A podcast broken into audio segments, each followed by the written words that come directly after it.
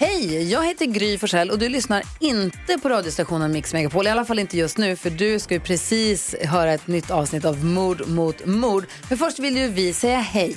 Hej, hej, det här är NyhetsJonas. Det här är Carolina Widerström. Och här är Gullige Dansken. Ja, och så Gry då. Och det vi vill säga att när du har lyssnat klart på den här podden, då får du gärna lyssna på våran. Vi spelar in ett nytt avsnitt varje morgon av våra podd Kvartsamtal. Och hela radioprogrammet blir ju också en podd om man är väldigt morgontrött eller så. Just det, om man missar morgonen ja. Men mest av allt så får du gärna lyssna på programmet i direktsändning varje morgon på Mix Megapol. Live varje morgon från klockan sex och då har vi med oss massor med vänner också. Thomas Bodström, Babben Larsson, Johan Pettersson, Christian Luuk. Massor med coola människor som bara dyker upp och gör livet bättre. Ja, som jag, Gullige Dansken. Exakt så. Och så mycket bra musik och annat skoj såklart. Så vi hörs när du vaknar på Mix Megapol. Podplay. Hej allihopa! Snart ska ni få höra på vårt liveavsnitt från Stockholm. Vi hoppas att ni kommer gilla det. Det var en underbar kväll. Och innan ni får lyssna på det så vill vi bara säga att det finns fortfarande biljetter kvar till livepodden i Uppsala som är nästa vecka, på torsdag den 30 november och även till livepodden i Örebro som är den 9 december. Eventuellt finns det typ en eller två platser kvar till Göteborg också. Alla biljetter hittar ni på pulpo.se mord mot mord. Så gå in och kolla där så hoppas jag och Karin att vi ses snart. Hoppas ni får en härlig lyssning. Hej då! Men utöver då fynden som görs på Sandhamn så hittar polisen också något väldigt intressant på Lökholmen där det hålls idag och även då seglarläger för barn. En eh, blodig kvinna störtar in genom dörrarna och skriker Help me, help me, I've just escaped from being murdered. Oj.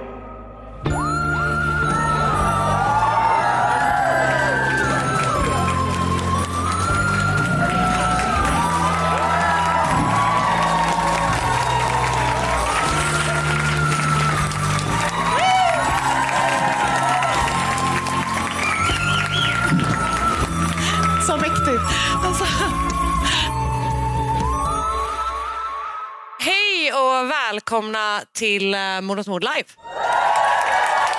Vad kul att eh, se så många här. Det här är Anna.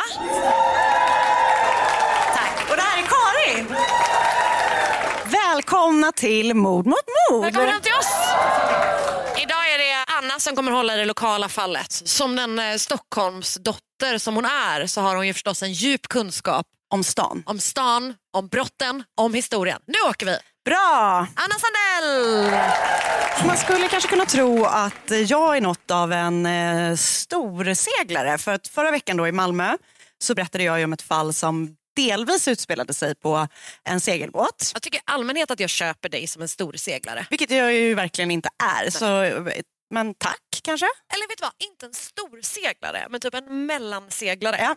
Jag har varit på en båt. Du har varit på en båt. Mm. Du har sett Jag har sett en segelbåt på distans i alla fall. Det var ju delvis på en segelbåt och även idag kommer jag vara segelnära kan man väl kanske säga. För att eh, Så konstigt tema. Segelnära. 1973 utlyste KSSS, alltså Kungliga Svenska Segelsällskapet, att de ville hyra ut sin restaurang på seglarhotellet i Sandhamn. Sandhamn är ju och har länge varit en plats där kanske främst stockholmare tillbringar eh, sin semester under sommarhalvåret. Har aldrig varit där. Det var jättefint. Och seglarhotellet var och är ett klassiskt vattenhål för kanske societeten på Sandhamn. Så det här var ju då en chans för någon att både frottera sig med alla tjusiga sommargäster samtidigt som man kunde tjäna sig en slant under en begränsad, alltså under sommarhalvåret helt enkelt. Det här var en chans som en namn vid namn Flemming Broman tyckte lät väldigt spännande. Det är ett toppennamn. Ja. Flemming Broman. Japp. Ja. Det är en bra liksom, kombo. Mm. Han hoppade glatt på det tåget, eller ska man säga båten. Nej. Mm. Jag eh, noterade även vattenhålet tidigt. Kommer det vara många? Ja, vi får se. Ja. Han var då 35 år gammal. Han föddes 1938 och eh, växte upp hos fosterföräldrar någonstans i norra Sverige. Man vet inte så mycket om hans uppväxt men när han var 20 år gammal så landade han efter några turer ute i världen här i huvudstaden.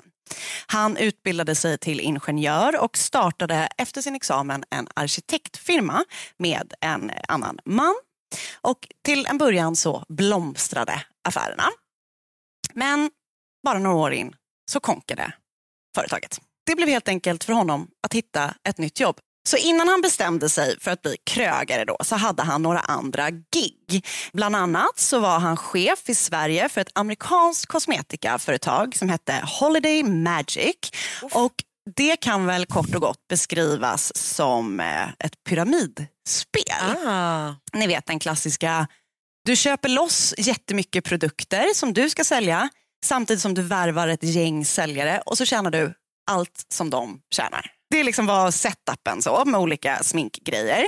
Jag läste en artikel om det här företaget och det verkar ha varit alltså, riktigt eh, bluffbolag. De tjänade jättemycket pengar på att lura personer som önskade då att tjäna pengar. Det gjorde de inte, liksom, det blev inga, det lyfte aldrig. Alltså är det konstigt att jag är så sugen på att testa deras produkter? Nej, Holiday, Mag- Holiday. Holiday Magic. Ja, det här är faktiskt ett tips. Det finns klipp på um, Youtube. Det finns ju ett eh, jättestort företag som säljer aloe vera-produkter i den här setupen. Ja.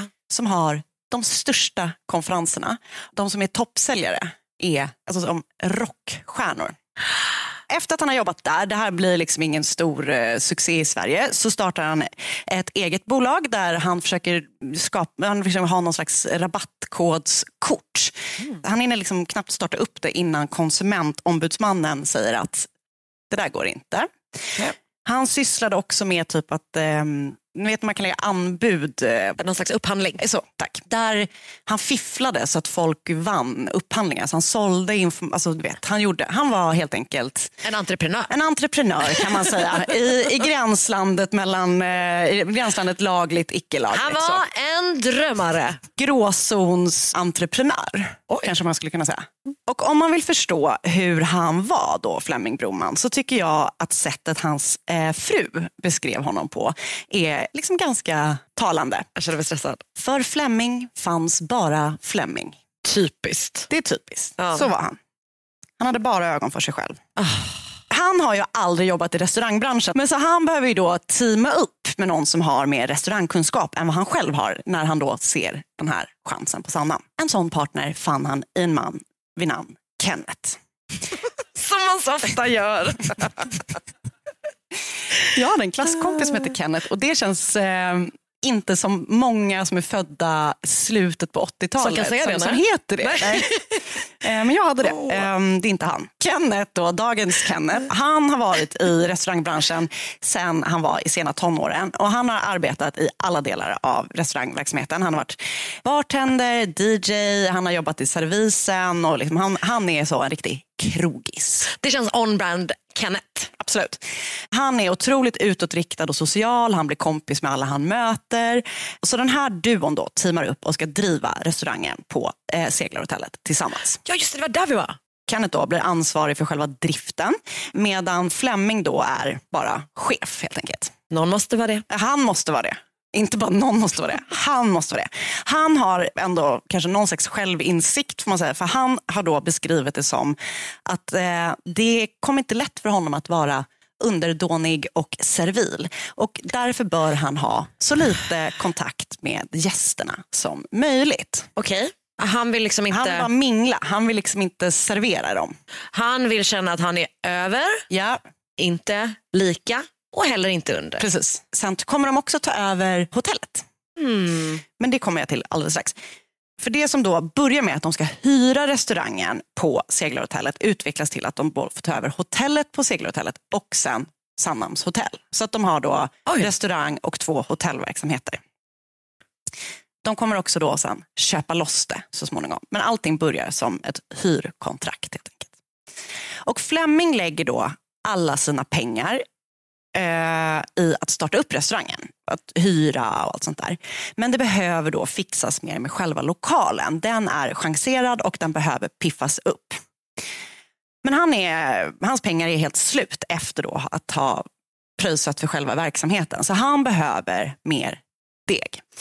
Eh, och här kommer Roy Andersson in. Och det är då inte den Roy Andersson. Eh, utan den här Roy, han drev bland annat då bilhandlar, eh, bil, han har bilaffär och ehm, har mycket pengar helt enkelt. Han är en förmögen man. Eh, och det finns liksom inga papper egentligen på det här lånet. Så bra. Eh, de gör det i någon slags eh, muntlig överenskommelse. Men han kommer inte bli besviken för Fleming lyckas tjäna mycket pengar och betala tillbaka lånet till Roy inom bara några månader. 1975 blev Flemings tredje säsong på Sandhamn. Eh, det hade, och då drev de då alla de här tre ställena. Och utöver att ha Kenneth som en nära bundsförvant på krogen så hade han, behövde han också anställa en till person. Och då hittar han eh, en kille som heter Thomas. Eh, och Thomas har eh, väl en speciell bakgrund, kanske en allkonstnär skulle man kunna kalla honom. Han har nämligen eh, sålt vattensängar. Han har drivit olika porrbutiker runt om i stan. Känns konstigt connected. Faktiskt. Svartklubbar har han haft. Över, eh, väldigt nära där jag bor hade han flera svartklubbar. Kommer du berätta vart det är eller ska alla, du räknar med att alla vet? Ja, men det var så på massa adresser. Han hade massa svartklubbar och då porrbutiker eh, däromkring. Men de var helt vita. Det var svartklubbarna och sen var det de helt legala. Helt vita porrbutiker. Precis. Men när Thomas och Fleming träffas. Okej, vänta, så Fleming, Kenneth, Roy, Thomas. Thomas, exakt. Så när Thomas och eh, gud, det är för många namn. Det är fyra namn. Det är tre för mycket. Kalla alla för Fleming. när Fleming och Thomas träffas, då livnar han sig på att sälja hyreskontrakt på svarta marknaden. Han kan verkligen göra allt. Jajamän. Han verkar vara en stark försäljare. Alltså så bra.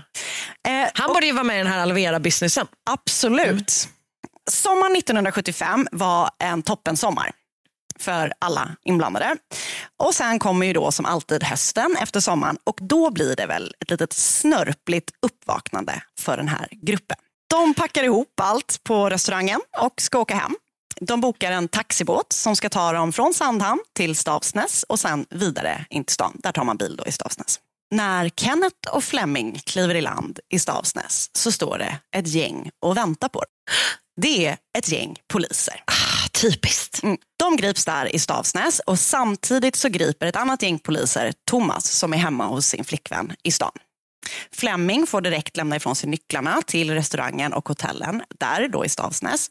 För det är nämligen så att polisen har haft span på det här gänget. Utöver att driva de här platserna så har de då pysslat med lite andra saker. Vattensängar? Frågetecken. Vi får väl se. De ska göra husrannsakan på Sandhamn. De hittar spännande saker där. Och de hittar redan saker egentligen i Stavsnäs. För de har ju med sig massa packning. Så de så här, You're under arrest, fast på svenska. Och så säger vi, vi ska kolla igenom era saker.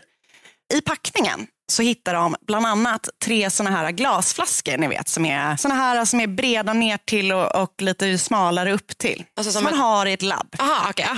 Då vet du precis. Ja, det gör jag verkligen. Kan mycket om labb. Ja, men, man vet väl ändå lite om precis. labb? Ja. Ja. Och när de kommer då till Sandhamn så fortsätter de att göra fynd där. I ett kassaskåp som är liksom lite gömt bakom receptionen på hotellet så hittar de till exempel en svart sopsäck. Och i sopsäcken så hittar de fyra genomskinliga påsar som har vitt pulver i sig. Typiskt. Påsarna väger tillsammans 5,2 kilo och de skickas i expressfart till labbet i Linköping tror jag att det var. Men det är väl där eh, Där. det är fortfarande va? Det, labbet. Labbet. Gud, fem år in i den här podden och du och jag vet så mycket om rättsmedicin, heter det inte? Teknik. Rättsteknik. eller något. Och på då labbet så inser man då, det är amfetamin Ja, det är amfetamin. Ja. I påsarna. Woo, sa någon nu. En person som går på amfetamin. Woo! det känns snarare som att hon har sprungit runt här Ja, inne. Supertaggad. I tre påsar är det amfetamin och i den fjärde är det koffein, rent koffein. Oj. Och som tydligen är då vitt. Man tänker ju att det ser ut som kaffe, men det är väl inte så det ser ut i ren form. Antar jag. Nej, just det. Okej, så amfetamin och koffein. Ja. Tänk när det är en comeback. Alltså verkligen bara rena linor koffein. Ja precis, för att amfetamin har Nej, nej, nej, det- det tror jag det fort- ja. tror jag aldrig har försvunnit. Nej, nej, nej, nej, men just koffein menar jag. Koffein. Ja, så det är det i de här påsarna. Och på den här sopsäcken då, som de hittade i kassaskåpet så eh, hittar de Flemings fingeravtryck. Typiskt. Labbet kan då lista ut att han har burit säcken när det var saker i så att säga. För de sitter, Fan vad de är fiffiga. ja, de De sitter under till. Och jag tänker att de sitter typ så här. Okej. okej. För att det varit mjukt när man lyfte upp det. Så du tänker att det är Eller de så här- här kanske, jag vet inte. De, de lyckas lista Var ut. i famnen så. Ja, ja. Alltså, det- det, hans fingeravtryck är där och man förstår då att eh, han har burit det med innehåll. Fleming då, när han ställs inför det här, säger bara så här. Eh, jag har ingen aning om vad ni pratar om. Jag vet inte vad ni pratar om. Han har inte burit någon påse med amfetamin i. Han säger så här, ja, jag har nycklar till kassaskåpet, men jag är absolut inte ensam om att ha det, för det har ju Kenneth och Thomas också.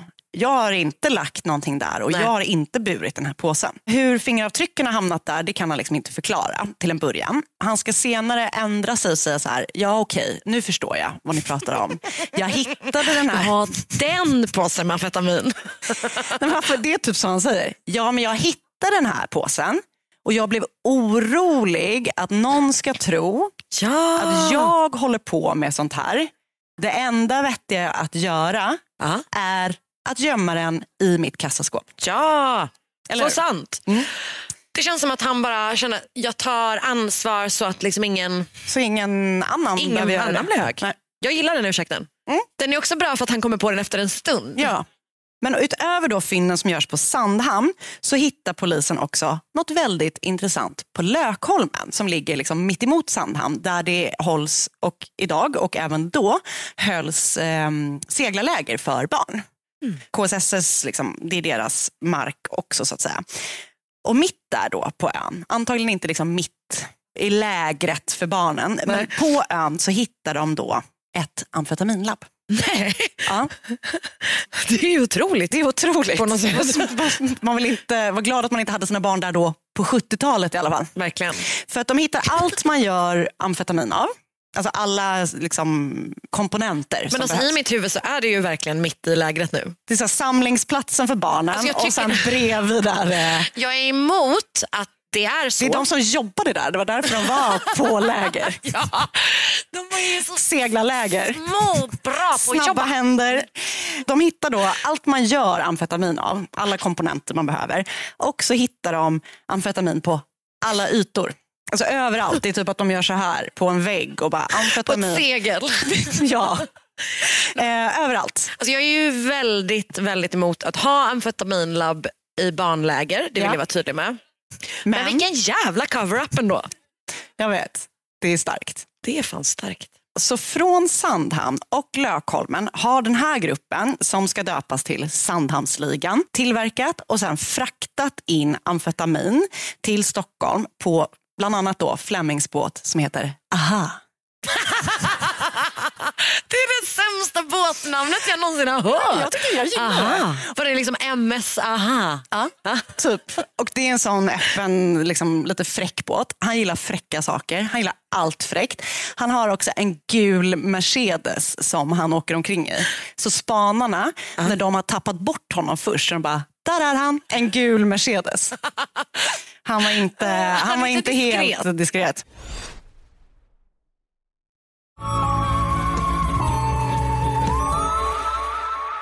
Allt tyder på att det var väldigt stora mängder som har levererats in till stan. Och det verkar ha varit framförallt Kenneth som har skött eh, alla drop-off. Poddtips från Podplay. I podden Något Kaiko garanterar östgötarna Brutti och jag, Davva, dig en stor dos skratt. Där följer jag pladask för köttätandet igen. Man är lite som en jävla vampyr. Man har fått lite blodsmak och då måste man ha mer. Udda spaningar, fängslande anekdoter och en och annan arg rant.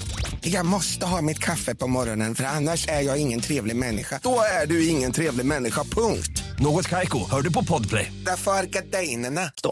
På ställen runt om i Stockholm, bland annat på Centralen och också på Medborgarplatsens tunnelbana. Där har då Kenneth synts till. Och det här vet polisen då, för att de har haft span på Sandhamnsligan länge. Alltså länge, länge, länge. De har följt dem på Sandhamn, i stan, från olika båtar. Och det sägs att polisen som var undercover på Sandhamn också sökte jobb hos Fleming. Alltså i restaurangen för att de liksom ville komma så nära de bara kunde. Men vad de fick inte? Det vet jag inte. Nej. Det de har sett är att de ser ju jättemycket. De ser när de lämnar knark, de ser typ att varje natt så bara tänds lamporna upp i köket. Och, sen Och så ser de här små, små barnen som springer runt och, i små labbrockar. små labbrockar. Alltid när man kommer till amfetaminlabbet så hänger man av sig sin väst och på med sin labbrock. De här olika ingredienserna som behövs för att koka amfetamin. Vad kommer receptet nu? Precis, du behöver två delar amfetaminolja. Nej, jag har ingen aning. Men jag vet, för att jag har läst det, att man behöver aceton för att rena amfetaminet. Och då förstår man verkligen hur läskigt det är. Du menar hur smutsigt det är från början? Ja, alltså. Och sen måste vi lägga till aceton för att göra det rimligt att inhalera. Det är för obehagligt. Det har då liksom fraktats ut på olika sätt. Sandhamn känns ju som en logisk plats på något vis för att man är liksom lite skyddad där kanske. För att man är ute i skärgården eller något. De har då bland annat en båttaxichaufför som har vittnat om att han har kört Kenneth bland annat med flera 20 liters dunkar aceton. Att han bara kommit till Stavsnäs, hej hej, och bara lastat på 100 Han driver alltså inte nagelsalong. Nej, men han har sagt att det är för att de ska tvätta fönstren med aceton. Jag vet inte om det funkar, men ehm, det var någon som sa nej. Som- framme. någon Skulle aldrig funka. Det repar. Det känns som att det är för starkt om det nuddar trät, tänker jag, på fönstret. De här otroliga mängderna aceton eh, indikerar då hur stora mängder amfetamin som har tillverkats helt enkelt. De häktas då alla tre och placeras på olika ställen. Flemming får vara i Uppsala, Kenneth får vara i Gävle och Thomas får vara i Västerås. För de vill försäkra sig, polisen då, om att de här inte ska synka sina stories. Och eh, ingen av dem snackar. De vet ju inte om den andra gör det, men alla är bara så här, nej men eh, nej vi tiger här, som muren. Den som är mest öppen är Kenneth. On brand. Han har ju delvis blivit eh, sedd av polisen när han har då eh, levererat olika leveranser runt om i Stockholm. Men han är också väldigt rädd för att han ska bli av med sitt hyreskontrakt på sin lägenhet i Stockholm. Gud, Stockholms bostadsmarknad redan nu, då är det kört. Ja, Är man alltså. ute så kommer man aldrig in igen. Nej. Så att polisen liksom försöker bearbeta Kenneth mest och tänker så här, vi kan nog få honom att snacka snart. Fleming börjar så småningom också inse att eh, de har ju en del som pekar på att jag inte har rent mjöl i påsen. I sopsäcken. rent amfetamin i den här påsen. Han ändrar sig då från det här att han inte har någonting med det att göra, att han bara har gömt den här påsen, till att han helt plötsligt säger då att det var Roy Andersson. Det var han. Alltså den ni tänker på, att det var den Det var- Roy Andersson. Ja, precis. Nej, men det var eh, rika Roy som hade lånat ut pengar till Fleming som styrde hela det här. Ha. Fleming berättar då att han en dag har kommit på Roy när han var i full gång med att koka amfetamin. Jag vet inte om han menar att Roy har drivit ett amfetaminlabb i restaurangens kök utan Flemings vetskap. Men han säger så att han har kommit på honom men inte vågat säga något om det eftersom Roy då har hjälpt honom med pengar eller med ett lån.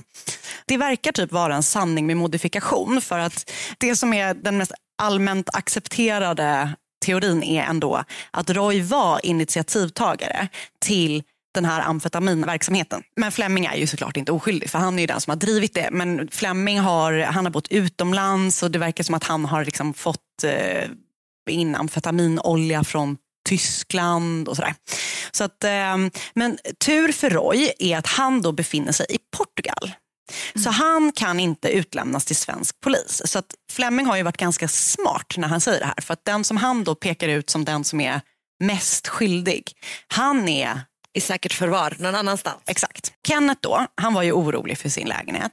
Så han känner till slut att han måste ge polisen något för att undvika att bli av med sin lägenhet. Så han berättar då om alla olika affärer som de tillsammans har gjort helt enkelt. Trots då att Flemming och Thomas fortsätter att förneka att de har då egentligen varit liksom ansvariga för någonting så döms då alla tre för grovt narkotikabrott. Och den som får längst fängelsestraff är Flemming, sen kommer Thomas och sist Kenneth för han är ju den som ändå har... Men vad hände med lägenheten? Det framgår inte. Så man kanske får tänka att han blev av med den. Det var tråkigt. Eller inte. Och Roy då, som var ju i Portugal, han kommer hem ett år efter att de här tre har dömts. Och direkt då så väntar polisen på honom. Så han grips och ställs inför rätta. Men ingen av de här tre, Fleming, Kenneth eller Thomas, vill vittna mot honom. Men polisen har ändå tillräckligt mycket på Roy. Så han döms också till åtta år för grovt narkotikabrott. Och pressen Har en jävla har, fest. Alltså sån fest. Lyriska. Ja, de har ett sånt bra scope. Lösnummer bara flyger ut ur affärerna. De älskar att följa Sandhamnsligan och dess medlemmar och det rapporteras mycket om dem. Och det verkar inte som att Fleming hatar uppmärksamheten han får. Vilken skräll. Även när han satt inne så gillade tidningarna då att skriva mycket om honom och han är ute på permissioner och då lyckas han liksom vara på nattklubb med eh, sina, de som är med och typ vaktar hans permission. Så han syns då på massa så här liksom inneställen och klubbar runt om i Stockholm. Knarkkungen, hans lyxliv, de flotta vännerna och hans offer. Ja. Men alltså hur glad är han? Och han beskrivs som en person som älskar att så här bjuda folk. Det verkar som att det är kul. På vad? Ja, men det händer mycket Alltså, kring Flemming kan man säga. Han ville synas bland kändisar. Han gillar tjejer, han gillar att vara ute, han gillar fina bilar, han gillar båtar och Ah. allt sånt där. Jag älskar verkligen en gammal löpsedel. Ja, det är fint. Ja, det är toppen. Han släpps ur fängelset 1979 så han sitter ju, först får han liksom sänkt dom och sen sitter han bara inte allt som alltid. Och då har han skitsvårt att få Lägenhet säkert det med. Men han har jättesvårt att få ett eh, jobb. Så att, eh, han får inte igång ett vanligt liv kan man väl helt enkelt säga. Han har inga pengar, ingenstans att bo, ingenting sånt. Men det dröjer inte länge innan han får ett nytt uppdrag för polisen tänker honom kan vi använda. Så att han blir helt enkelt eh, infiltratör åt polisen. Så han ska agera köpare av andra droggäng. Typ. Otroligt. Ja. Det verkar som att han har gjort typ ett ganska okej jobb. Jag hörde utdrag ur en intervju med honom när han bara så här, "Äh, det var helt osannolikt för vilken eh, typ drogkung som han skulle föreställa åker buss. Han bara, var är min gula Mercedes? Men eh, han verkar ändå ha gjort ett ganska bra jobb. Men de avslutar ändå samarbetet med Fleming, polisen. För att det är lite, lite kontroversiellt om man får eh, ha den typen av... Eh, Ja. så. Han får aldrig det arvode som han och polisen har kommit överens om. Låter ju spontant som ett brott av polisen. Ja, men de, har, de har haft en muntlig överenskommelse. Han eh, skriver sedan en bok om eh, sina upplevelser både som eh, medlem i Sandhamnsligan och som infiltratör. Och Den boken heter Ursäkta, mitt namn är Broman. Flemming Bromans memoarer. Ursäkta, mitt namn är Broman. Eller hur? Alltså, Det är bra. Det är typ både bra och svindåligt på en och samma gång. Ja, jag gillar det jättemycket. Ja, det är fan toppen alltså. Mm. Vilket starkt hakparti. Jag vet inte, har han det? Lite som man sliter, det är både starkt och svagt samtidigt. Flemming Broman gick bort förra sommaren, den 2 juli 2022. Och vad han gjorde liksom efter sitt liv som infiltratör är lite oklart. Och även då om man inte vet exakt hur mycket amfetamin Sandhamnsligan lyckades tillverka och sen sprida i Stockholm och runt om i Sverige så ansåg Sandhamnsligan vara den då tids största och mest organiserade knarkliga som någonsin verkat i Sverige. Tack Anna, Tack, det där var starkt. Det är just den här grejen att verkligen så välja att verka Där. Alltså ja, och att verkligen på något sätt eh, hide in plain sight. Lite så. Liksom. Och det var ju många som gillade hela den här grejen att kungen var mycket där ute och liksom hela det där äh, det där liksom fula med ett amfetaminlabb kontra det väldigt tjusiga... Med de här små, små barnen. Ja, exakt. I labbrockar med små, små händer. Gulliga sådana små skyddsglasögon. Pipetter. Jättefina. Små, små pipetter. Alla har säkert sett den här filmen som ju faktiskt är ganska bra med Peter Dalle där, eh, som heter Himlen är oskyldigt blå. Ah. Den kan man se faktiskt för den är väldigt rolig. Ja, den handlar om det här eller handlar om något helt annat? Nej, det var en bra, en bra film. Nej, men den handlar exakt om det här. Och där liksom, Okej, vem spelar han? Fleming? Han spelar Fleming. Ja. Ja, Den är jättebra. Jag köper det. Ja, Men kul. eh, du, Då lutar jag mig tillbaka. okej. Kvällens internationella fall. Jag ska säga typ att det finns ändå vissa likheter mellan den värld vi just har befunnit oss i till den värld vi ska. Ah, vad spännande. Det vill säga att det är rika människor på 70-talet. Ah, vad kul. Det är ju en toppentid Det känns för det. rika människor. Är det inte alltid en toppentid för rika människor? Men liksom, det känns som en kul liksom, era. Ja, jag håller med. Ska hit. The Plumbers Arms. The Plumbers Arms. Vad känner du? Det ser mysigt ut. Det ser ganska trevligt ut faktiskt. Det här är uppenbarligen London. Ja. Det är då här vår historia tar sin början. Eh, klockan är strax innan tio på kvällen den 7 november 1974. Och allt är då som vanligt här på The Plumbers Arms i Belgravia, London. Tills en eh, blodig kvinna störtar in genom dörrarna och skriker Help me, help me, I've just escaped from being murdered. Oj. Någon skriker Get this woman a drink! Så bra sätt att Någon reagera. kommer med en karaff med Pims. Nej, det var på vinter... Nej, det är en rejäl brandy Ah. som kommer serveras. Eh, vilket kanske typ inte är en super, super bra idé eftersom hon blöder kraftigt från huvudet. Hällde de det i såret som rengöring? Nej, men det, är, det är så himla dumt för att den här personen kommer berätta snart vem hon är. Eh, hon får typ inte smärtstillande på sjukhuset på ganska långt efteråt för att de är så oroliga för att hon har druckit så mycket sprit under tiden på The Plumbers Arms. Typiskt. Det slog fel verkligen. Eh, Verkligen. Någon ringer 999 och snart berättar då också den här kvinnan att hennes barns nanny har mördats. Och sen har mördaren attackerat henne. Och när hon då får frågan om hon vet vem gärningspersonen är svarar hon, det var min man, Lord Lucan. Ooh. Så idag ska jag då berätta om mordet på Sandra Rivette och The Seventh Earl of Lucan, a.k.a. Lord Lucan, a.k.a. Lucky Lucan.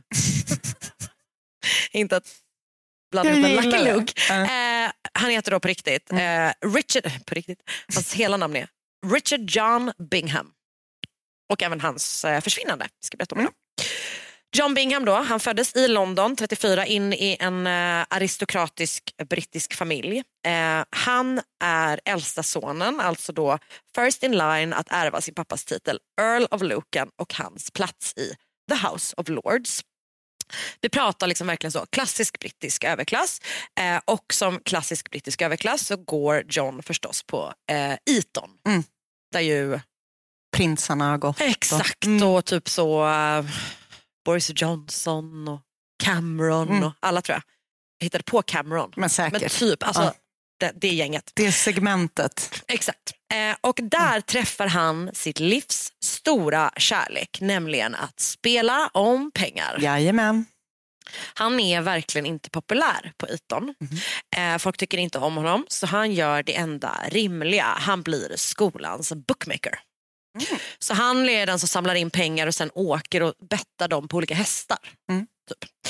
Och Han blir då populär av det och han blir också ganska snart lite spelberoende. Eh, så. I mitten Är han av... duktig då? Eller får han Eh, placera pengarna? Alltså eller? han, det verkar som att han chansar och typ har lite tur. Ja. Så. Som det väl är Ja.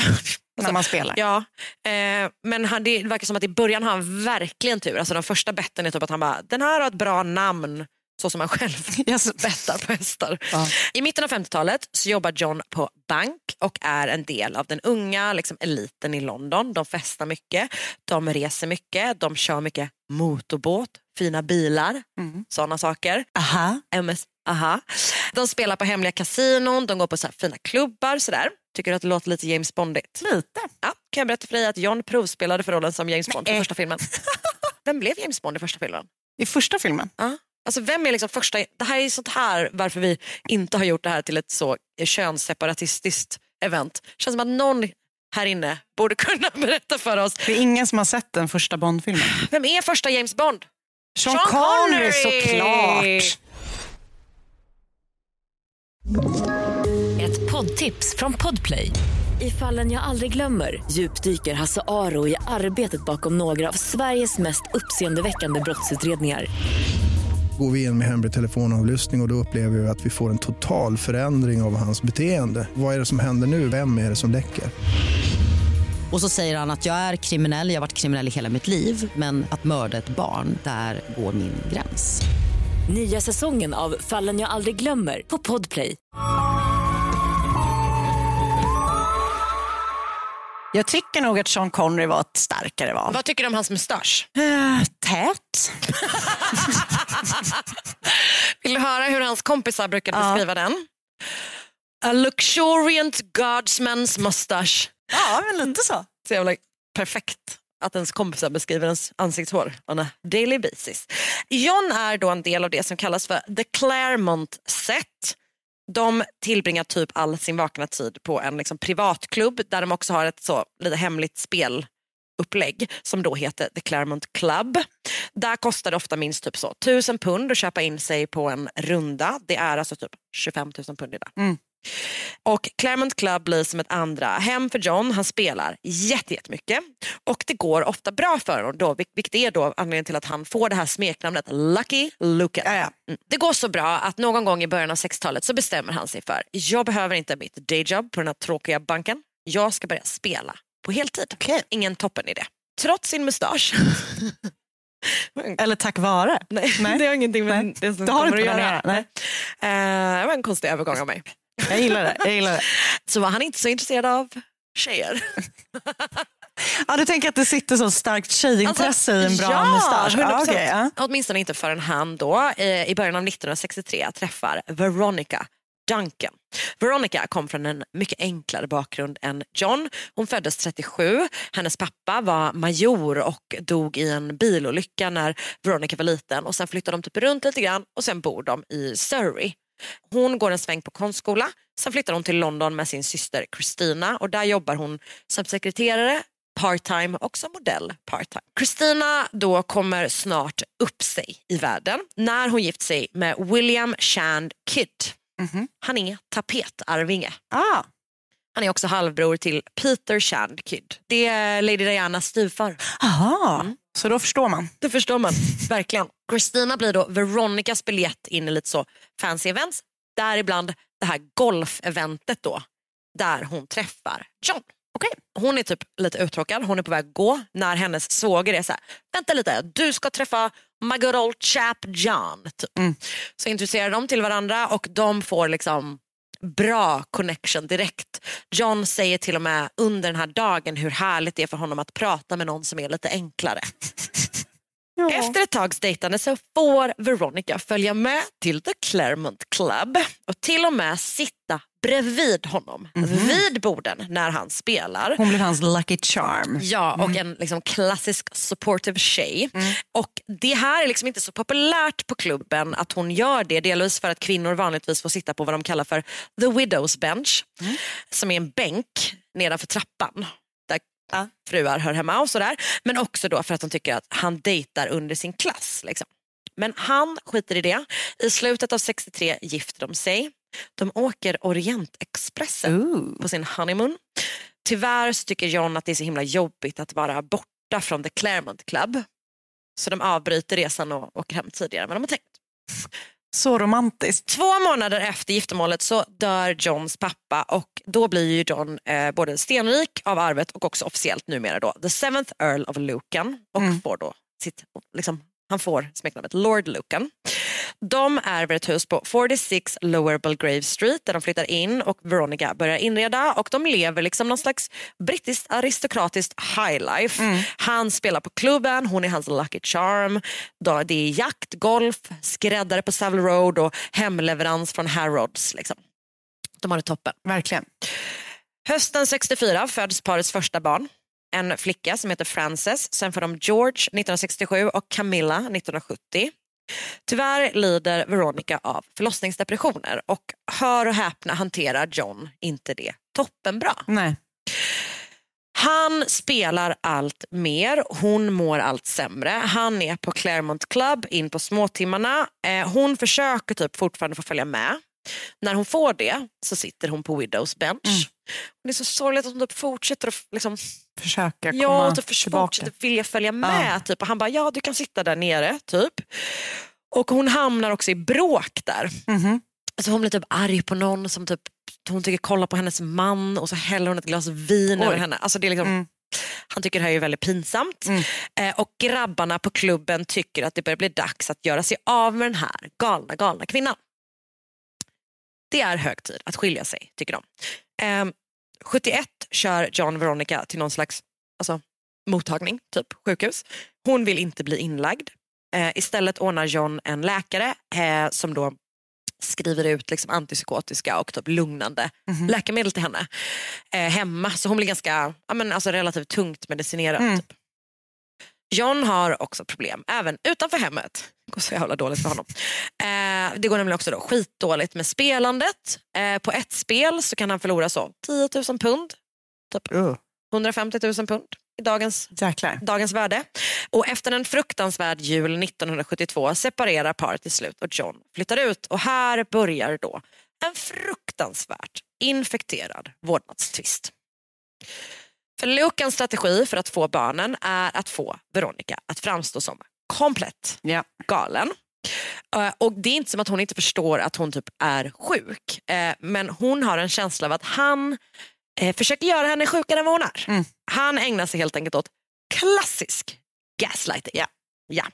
Han har ju nyckel till familjens hus och går ofta in liksom så, flyttar på saker när hon, så att hon ska vara så här, va men jag är säker på typ Mm. att jag ställde in mjölken och så står den framme igen. Som, sådana saker håller han på med. Eh, han ringer också henne och typ provocerar henne och sen spelar han in, alltså han börjar Hennes spela in när hon, när hon Ja. typ tappar det. Liksom. Eh, och det blir förstås väldigt pinsamt för Veronica när Johns advokater spelar upp telefonsamtalen, eh, förstås då bara hennes delar, i rätten när vårdnadstvisten ska avgöras i maj 73. Det här är starka quotes. Uh. Saker som man kan säga till ett dumt, dumt ex. Hon säger att han har a vulnerable, weak, droopy little penis. Det är så starkt att den är svag. Sårbar. Alltså, Ja. vill du höra? Ja, jag vill höra mer. Vill jag har ett till. Det här säger hon om hans mamma. Okej. Aj, aj, aj, aj.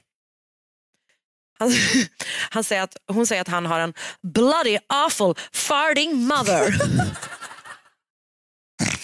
ja, det är så kul. Det är ju så jävla pinsamt jätte- typ, att höra det stä- spelas upp Ja. i en rättegång. Liksom. Och de spelade upp hennes liksom så här, sjukdom väldigt mycket. De menar att hon lider av eh, schizofreni och John är övertygad om att han kommer att vinna. Mm. Men det visar sig att Veronica själv har uppsökt vården och också liksom blivit utredd. Mhm. Och den läkaren vittnar i rätten och säger att så här, ja, hon typ hon är deprimerad, Mm. liksom. men med rätt medicin, vilket hon inte då har fått innan, eh, så är det liksom inga problem att hålla det under kontroll. Utan snarare så verkar det som att teorin är att hennes mående har försämrats av den medicin hon har fått. Och dessutom är John på, till klubben på små, till, in till småtimmarna Mm. varje dag. Så, att så här, när ska han ta hand om deras barn? Till Lord Lucans stora förtret för får Veronica vårdnaden under en förutsättning. Hon måste anställa en nanny som hjälper henne. Han måste betala för den. Mm. Han är rasande. Ja. Det gick verkligen inte som man tänkte sig. Nej, och det var nog lite ovanligt för Mm. honom. Mm. Okej, Mm. så han ska betala för The nanny. the nanny. The nanny. Efter det så eskalerar hans liksom obsession totalt. Alltså all tid han inte är på klubben sitter han i sin bil parkerad utanför hennes hus och spionerar på dem. Han anställer privatdetektiver för att följa efter Veronica och de liksom nannies som jobbar med barnen. Han super allt mer, spelar allt mer, blir allt mer skuldsatt. Han är desperat. Vid ett tillfälle så försöker han låna pengar för att köpa barnen från Veronica. Mhm. Det går inte heller jättebra. Nej. Folk Det funkar inte så tror jag. Nej. Typ även att de som ska låna ut pengar, här, ah, men det kanske inte är en jättebra idé. Strax innan sommaren 1974 så börjar en ny tjej jobba som nanny hos eh, familjen Lucan. Hon heter Sandra Eleanor Rivette och är 29 år gammal. Hon föddes 16 september 45. Hennes föräldrar hette Albert och Eunice Hensby och de var en arbetarfamilj från Croydon i södra London. Hon blev som ung och ogift gravid och hennes föräldrar övertalade henne att de skulle ta pojken och uppfostra det som att det var deras barn. 1967 så gifter hon sig med Roger Rivette men det äktenskapet liksom faller ihop eh, efter sju år och hon har jobbat som sekreterare, frisör, lite så olika saker. Men efter upp, uppbrottet då så listar hon sig på typ en nanny, alltså en nannyagentur. Mm -hmm. man ska säga. Eh, och där, det är då därför hon kommer till Veronica. De tycker om varandra direkt. Mm. Sandra hon var liksom så väldigt smart och likeable och hon tar då fått ta med sig sin katt Tara och flytta in mm. hos familjen. Där liksom Veronica, de här tre barnen och de har också en katt. Mm. Jag tänker mig att mm. de katterna kom utmärkt överens, vilket ju katter alltid gör. Men så utöver att det sitter en galen, galen lord mm. sitter i eh, den här bilen utanför deras hus varje dag, dag ut och dag in. Mm. Så har de det liksom ganska bra tillsammans. Typ. Men vet de att han sitter där ute? Ja, ja, ja nej, alltså han sitter där. Ja, okay. Så det är inte att han har hatt och Nej, nej, nej. nej. Alltså, det, det är nog snarare så typ att han vill att hon ska veta ah, okay. om att han mm, sitter mm, där. Att han ska liksom vara... Det är läskigt att han är där. Exakt. Och Det handlar liksom inte längre bara om att han vill ha barnen, det handlar också om att vinna och bli mm. av med sin, liksom i hans ögon, jävla exfru. Det är dyrt att kombinera spelberoende med den här galna, galna kampen mm. eh, och framåt hösten 1974 eh, har han skulder som i dagens värde motsvarar ungefär 700 000 pund.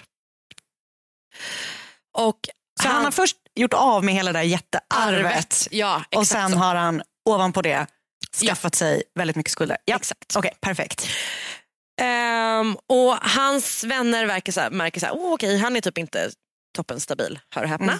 De försöker typ övertala honom att gå i, kon personlig konkurs mm. och han är lite så här, uh, vi får nog se. Ett annat alternativ är att jag gör mig av med uh, Veronica och kan sälja huset och hans kompisar bara, och vad barnen. menar du med Eller? det? Mm. Typ. Um, vid tio i nio den 7 november 1974 så säger Sandra då att hon ska lägga eh, de yngre barnen, George och Camilla som är fyra, sju och fyra år gamla nu. Och de, sen ska hon liksom gå och göra te till henne och Veronica eh, och komma tillbaka så de kan mm. typ titta på tv ihop. När klockan blir kvart över nio och hon inte kommer tillbaka så börjar Veronica fundera på var Sandra har tagit vägen. Hon går ner i huset och ropar efter henne men får inget svar. Men istället då så hör hon ett ljud från källaren och bestämmer sig för att undersöka. Hon hinner dock aldrig ner i den mörklagda källaren för plötsligt så får hon ett tungt slag i bakhuvudet. Hon skriker men gärningsmannen lägger en hand över hennes mun och väser “shut up”. Det är då hon inser det, att den som liksom nu attackerar henne är hennes man. Han kastar sig över henne och typ får ner henne på golvet. Hon ligger liksom med ansiktet ner mot golvet men hon typ vrider sig om och får tag i hans skrev. That droopy weak penis. Verkligen. Det var det. Och han liksom släpper taget typ, så, och, och, och uh. så hon kommer loss. Och, eh, han erkänner då, de har liksom någon slags konstig konversation där, där han erkänner att han har dödat Sandra för att han trodde att hon var Veronica. Och sen lyckas hon fly och då hamna på mm -hmm. Plumbers arms. Brukade hon vara där? Eller varför Nej, jag tror bara att det ligger nära. Det var alltså hon bara springer och typ går in på första bästa ställe. Polisen kommer till huset vid tiden. I källaren hittar de då Sandras kropp och på trappavsatsen ett blodigt järnrör. Barnen sover i sina sängar. John är spårlöst försvunnen och så kommer han då att förbli. För det vi vet om hans rörelser under kvällen den 7 november är att han, han har typ kört förbi Claremont Club eh, vid kvart i nio på kvällen och bara så sagt till vakten bara Is anyone I know in? Och han bara ja, alltså du är här varje dag. Så alla som är här är folk du känner. Typ. Vilket man i efterhand då tror jag att han har velat Han vill ha placera liksom. sådär. Ja. Och att han också bokat en middag klockan 23 med några kompisar som han aldrig dyker upp okay. till. Det här är då vi vet om vad han gjorde efter mordet på Sandra Rivette. Han ringer sin mamma och säger att det hänt något fruktansvärt och ber henne ta hand om barnen som är kvar i huset. Sen kör han till Sussex i en förvånansvärt skruttig bil som han av någon anledning då lånat av en kompis bara några dagar tidigare. Han kör till sina vänner Ian och Susanne Maxwell Scotts. Och eh, där är bara Susanne hemma och för henne berättar han den här historien. Han har gått förbi Veronicas hus när han har sett någon attackera nannyn i källaren. Han har ju självklart bestämt sig för att ingripa. Såklart. Såklart. Väl i huset har han halkat på en blodpöl, trillat omkull och då har gärningsmannen Gripit tag i hans penis. Nej, men, och, och, och liksom har tagit sig ut och sprungit förbi. Mhm. Och då har Veronica kommit ihåg mitt och varit så här, är det du som mördat Sandra? Eller typ, är det du som har anställt någon för att göra det här? Och Mm. då har han då insett att hon kommer försöka frame him. Samhället kommer tro på henne, han kommer förlora sina barn för alltid. Så han måste fly. Susan kommer alltså att bli den allra sista som liksom eh, ser John. Mm. Det liksom bekräftade Mm. mötet med honom. Under kvällen skriver han tre brev. Två till sin svåger Bill Shandkid. I det ena skriver han om lite olika saker som är på väg att typ säljas på Christie's och vilka så bankkonton det ska stoppas in i. I den andra beskriver han eh, samma historia som han gjort till eh, Susan om händelsen under kvällen. Han säger att han vill att eh, han och Christina, alltså Veronicas syster, ska ta hand om barnen. Och så skriver han ett brev till kompisen som han lånat bilen av som inleds My dear Michael, I have had a traumatic night of unbelievable coincidence.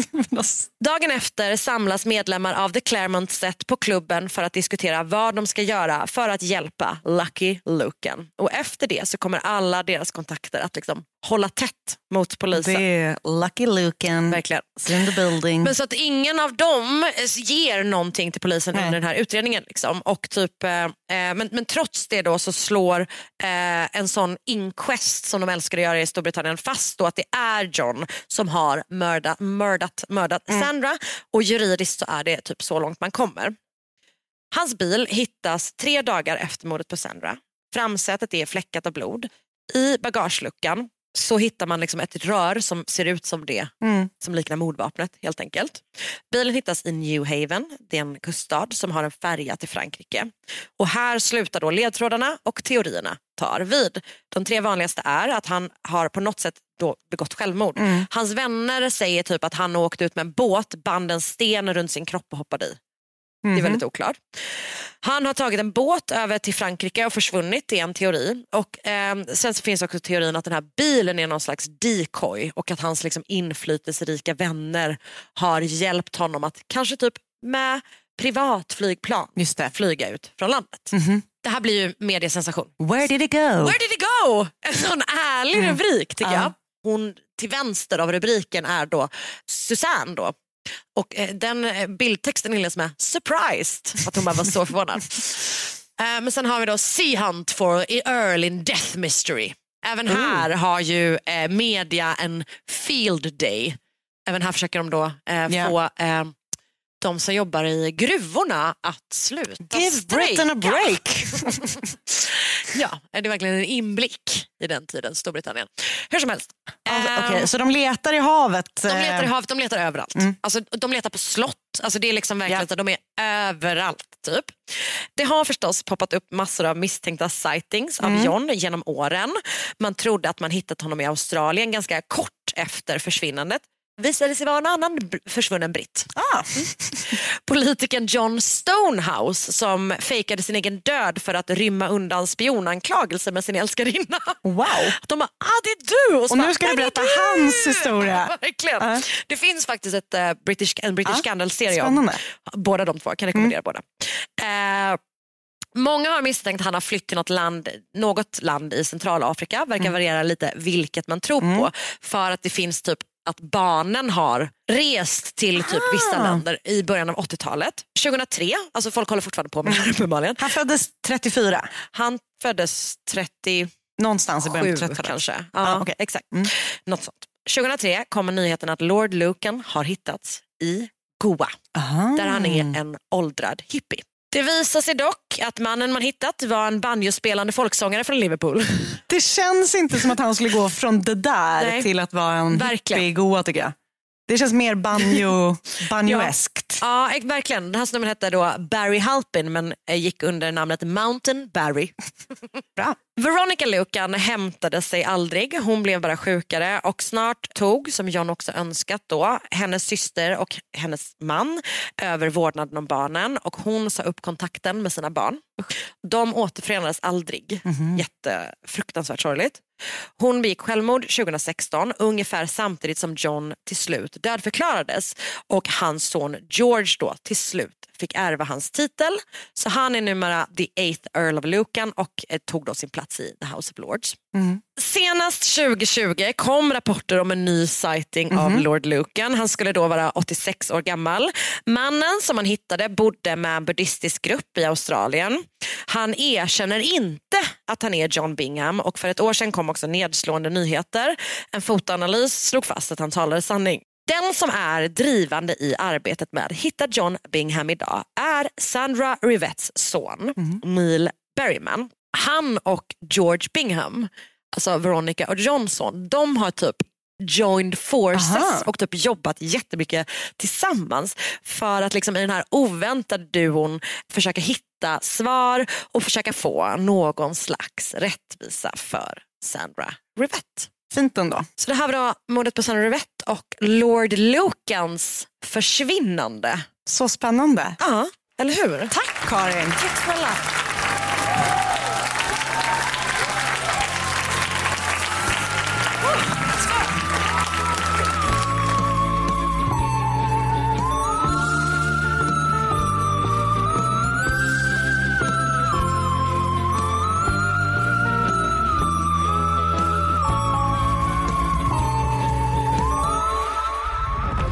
Podplay, en del av Power Media.